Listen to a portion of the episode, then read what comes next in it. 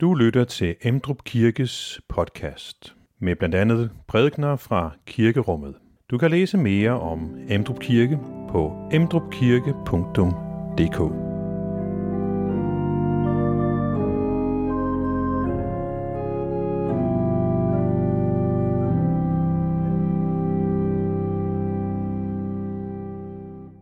I dag har vi øh, anden søndag efter Hellig Tre Konger. Og øh, i dag skal vi høre om et særligt møde, der sker ved en, en brønd. Kigger vi øh, i øh, vores bibel, så er der faktisk flere møder, der finder flere afgørende møder, der finder sted ved, ved en brønd. Og øh, dette møde, der finder sted ved brønden ved Sykar, får afgørende indflydelse for denne kvinde, som ellers kommer der snigende i den stikkende varme middagssol, fordi hun helst vil undgå at møde andre mennesker. For de plejer at være noget så spydige til, i deres kommentar til hende. Men så møder hun en mand. Tror i første omgang, at han vil være som de andre. Men det er han ikke. Han er helt anderledes. Han møder hende på en helt anden måde. Respektfuld måde. Hun bliver nysgerrig.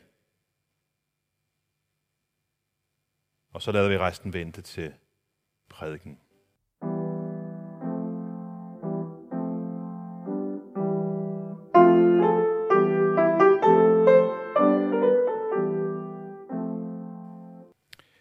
Jesus kom der til en by i Samaria, der hedder Sykar. I nærheden af det stykke jord, Jakob gav sin søn Josef. Der var Jakobskilden. Træt af vandringen satte Jesus sig så ved kilden. Det var ved den sjette time. En samaritansk kvinde kom for at hente vand. Jesus sagde til hende, Giv mig noget at drikke. Hans disciple var nemlig gået ind til byen for at købe mad. Den øh, samaritanske kvinde sagde til ham, Hvordan kan du, en jøde, ved mig, en samaritansk kvinde, om noget at drikke?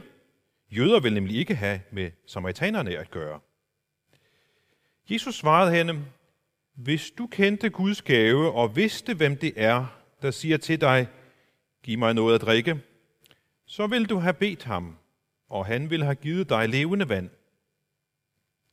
Kvinden sagde til ham, Herre, du har ingen spand, og brønden er dyb. Hvor får du så levende vand fra? Du er vel ikke større end vor fader Jakob, som gav os brønden og selv drak af den, lige som hans sønner og hans kvæg. Jesus svarede hende, En hver, som drikker af dette vand, skal tørste igen, men den, der drikker af det vand, jeg vil give ham, skal aldrig i evighed tørste.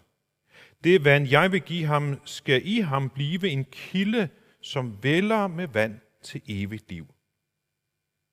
Kvinden sagde til ham, Herre, giv mig det vand, så jeg ikke skal tørste og gå herud og hente vand.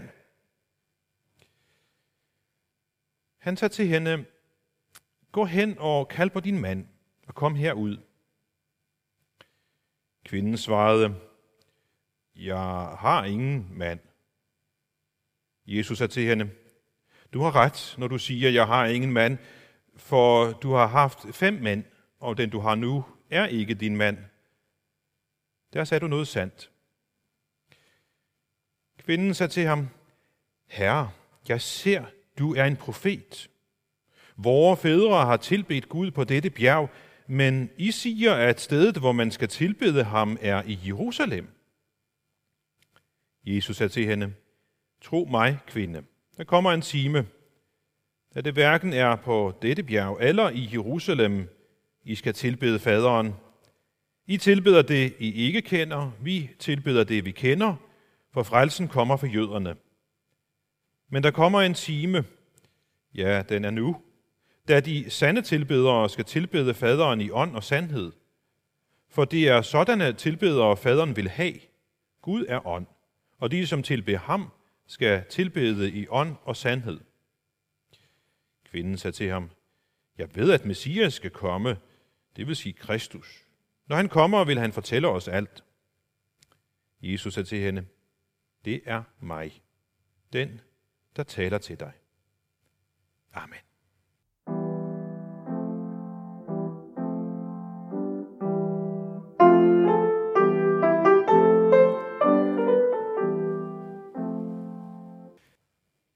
Hvordan mon øh, kvinden oplever mødet med Jesus den her dag.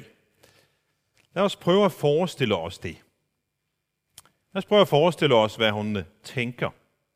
Hvordan hun, øh, hun oplever mødet med Jesus. Omtumlet og opstemt over deres møde ved brønden, småløber hun ind til byen og har en tanke i hovedet. De andre må og skal træffe ham, inden han går sin vej. Undervejs ind til byen griner hun måske lidt af sin egen iver og kommer i tanker om den fyldte vandkrukke, som hun har glemt ved brønden. Krukken den står der som et udråbstegn efter det usædvanlige og fascinerende afbræk i hverdagens rytme. Hvor var det fantastisk, at hun lige skulle møde ham, og han var alene, ligesom hun selv var.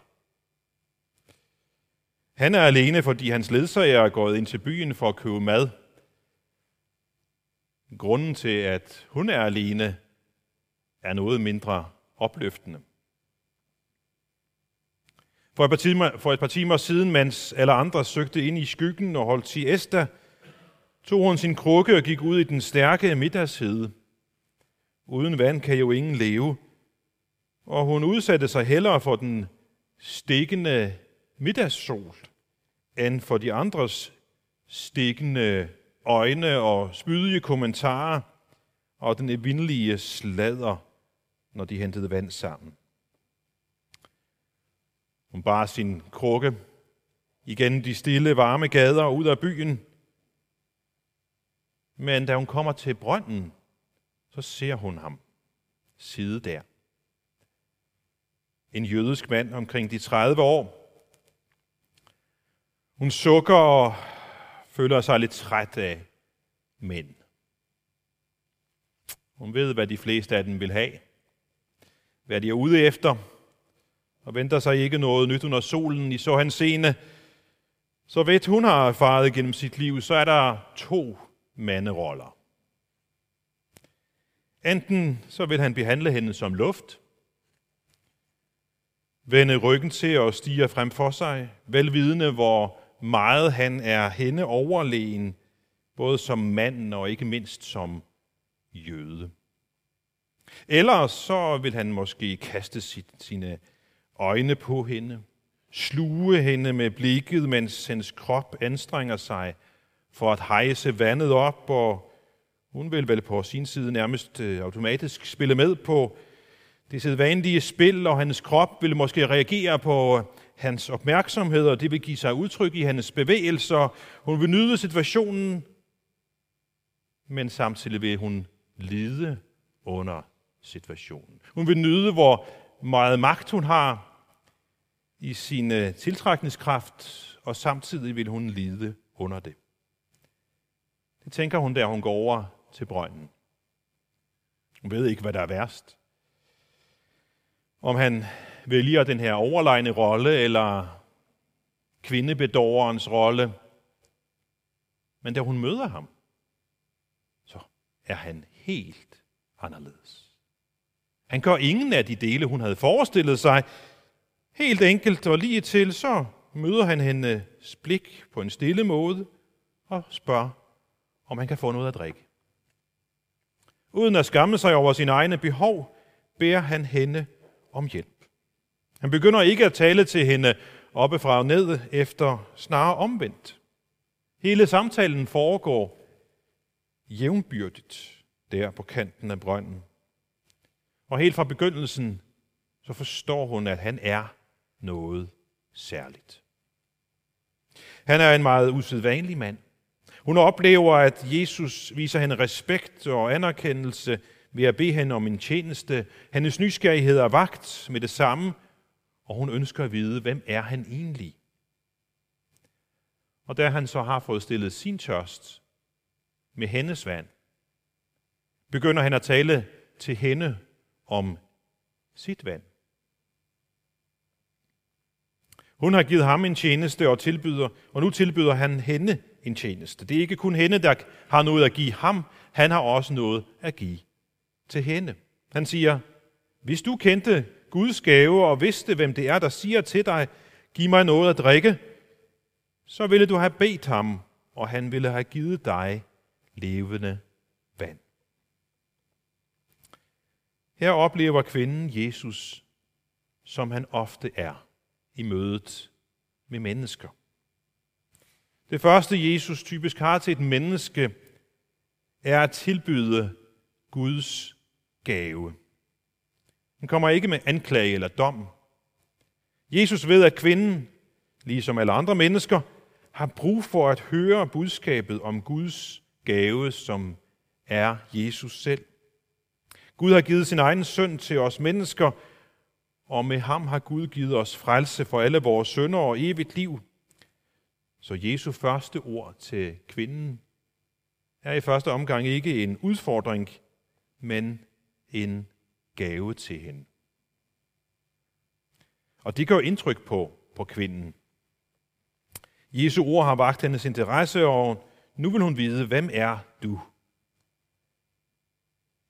Han tilbyder hende noget, der er større end almindeligt vand. Han siger, at han vil give hende levende vand. Og hun forstår ikke, hvad han mener, fordi han har jo ikke nogen spand. Så hvordan vil han hente det der vand op af den her dybe brønd? Jesus han prøver så at forklare hende og siger, den, som drikker af dette vand, bliver tørstig igen. Men den, som drikker af det vand, jeg vil give, kommer aldrig til at tørste mere. Det vand, som jeg vil give, bliver i ham et kildevæld, kildevæld som rinder til evigt liv. Kvinden, hun øh, spiler øjnene op, og tankerne farer rundt i hovedet på hende. Hun kan slet ikke forstå, hvordan man kan gå med sådan en kilde inden i sig rundt omkring. Men øh, han er så troværdig. Og han siger det på en så naturlig og slet ikke ironisk eller spøjs måde, så hun tror, at det må være sandt. Hun tænker, hvilken befrielse det ville være, hvis hun kunne holde sig æster, ligesom de andre. Og hun beder ham i stedet, jamen giv mig så noget af det her vand, så jeg ikke behøver at blive tørstig og løbe herud og trække vand op igen og igen. Og så prøver Jesus at forklare hende, at det, han vil give hende, er noget, der for evigt slukker hendes tørst. Han vil give hende evigt liv. Det er den gave, som Jesus har at give. Det er den gave, som vi mennesker har brug for, og inderst inde længes efter. Vi mennesker har et grundlæggende behov for noget, der udfylder et tomrum, det inderste og dybeste tomrum i vores liv. Men mange mennesker ser ikke, at det er Jesus, som har det, de har behov for.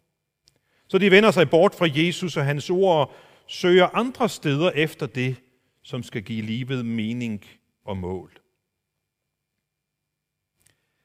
Ved brønden så kan kvinden stadigvæk ikke forstå den her dybere mening med det, som Jesus siger. Hun kan stadigvæk ikke forstå, at hans tale om det indre kildevæld er et billede på Helligånden og det evige liv. Kvinden, hun tror stadig, at Jesus taler om almindeligt vand.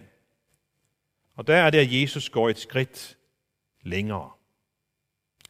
Nu, hvor han har hendes fortrolighed, så taler han til hende helt personligt.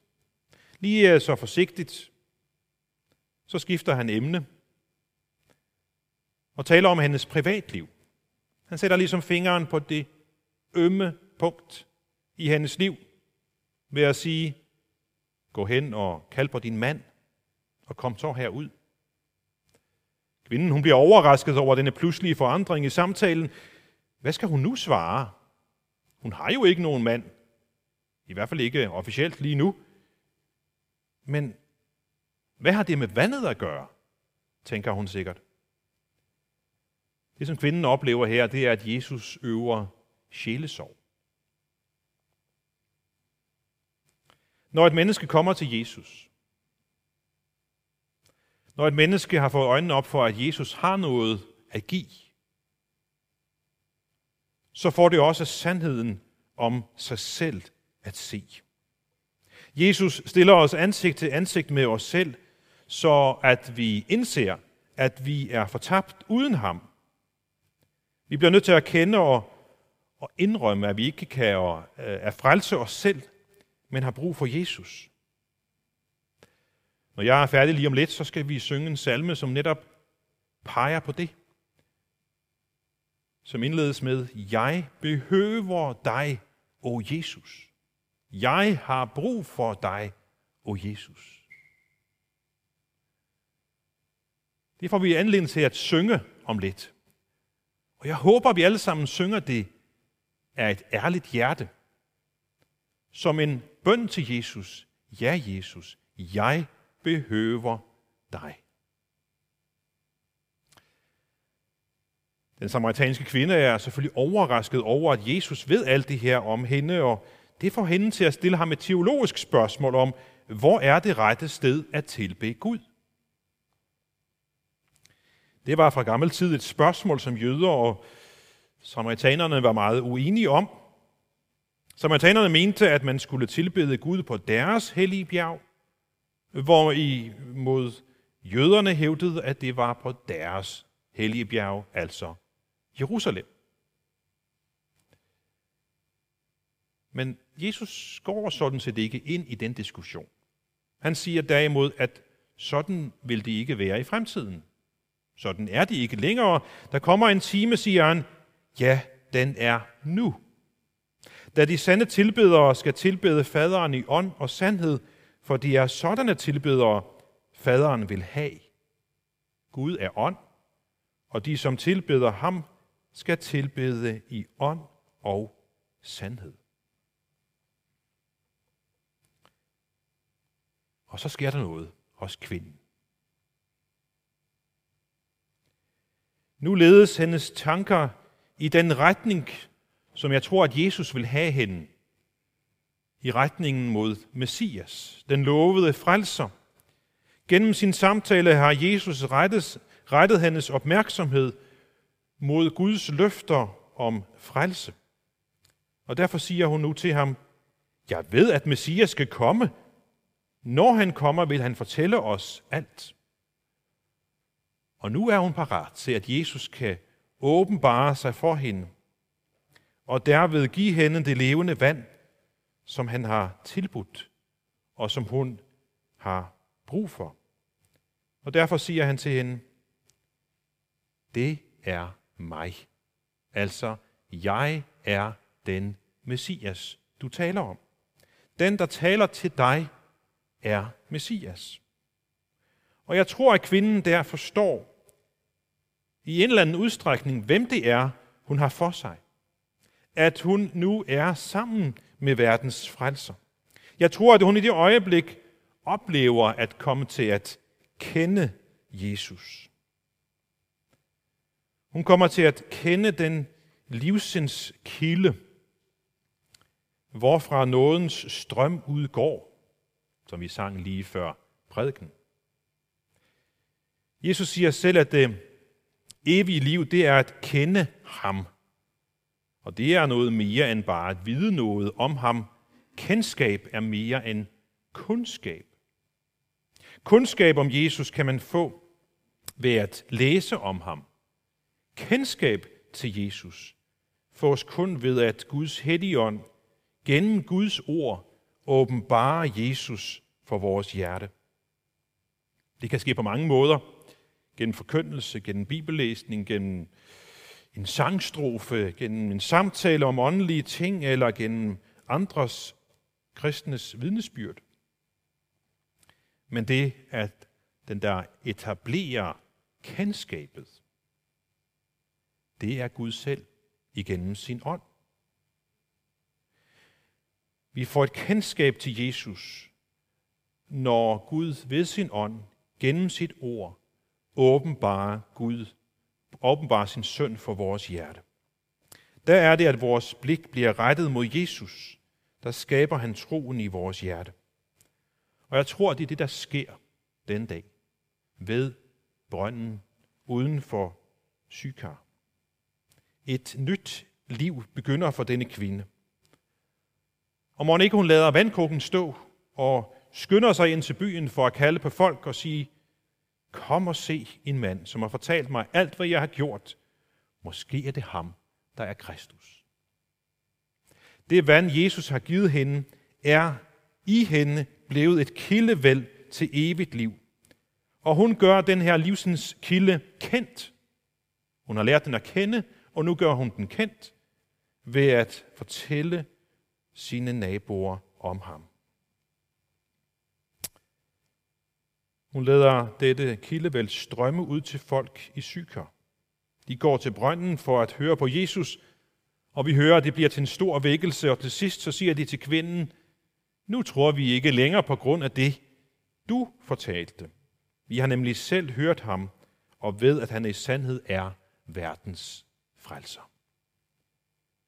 Så de kan svare ja til spørgsmålet, kender du den livsens kilde, hvorfra nådens strøm udgår?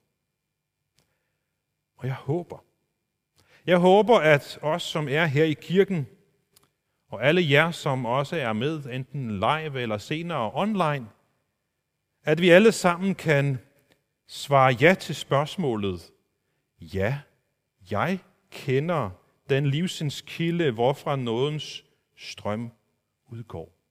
Og hvis ikke du gør det, så er der en mulighed. Den samme Jesus, som ved brønden tilbyder sig som verdens frelser, også over for denne kvinde, har samme gave at give en hver i dag. Han vil også være livsens kilde for dig, hvis du ikke kender ham endnu. Og jeg håber også, at vi som denne kvinde vil være med til at gøre den livsens kilde kendt for vores naboer og andre relationer, ved at formidle kendskabet, vort kendskab, og sige, jeg kender livsens kilde. Vil du ikke også få lov til at kende livsens kilde? Så de også kan få et fællesskab med Gud. Som mennesker, som har fællesskab med Gud, så er vi sat til at bringe andre mennesker til Gud, så de også får et fællesskab med ham.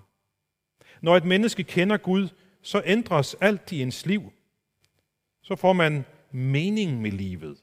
Så får man et nyt håb. Og så tager han bort den fortvivlelse, som man kan være fyldt med. Kender du den livsens kilde, hvorfra nådens strøm udgår? Og vil du gøre denne livsens kilde kendt for dem, som måske endnu ikke kender ham?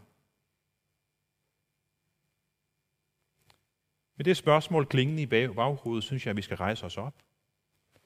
Og i fællesskab tilønske hver andre, hvor Herres Jesu Kristi nåde, Guds kærlighed og Helligåndens fællesskab være med os alle. Amen. Find flere podcast og læs mere på emdrupkirke.dk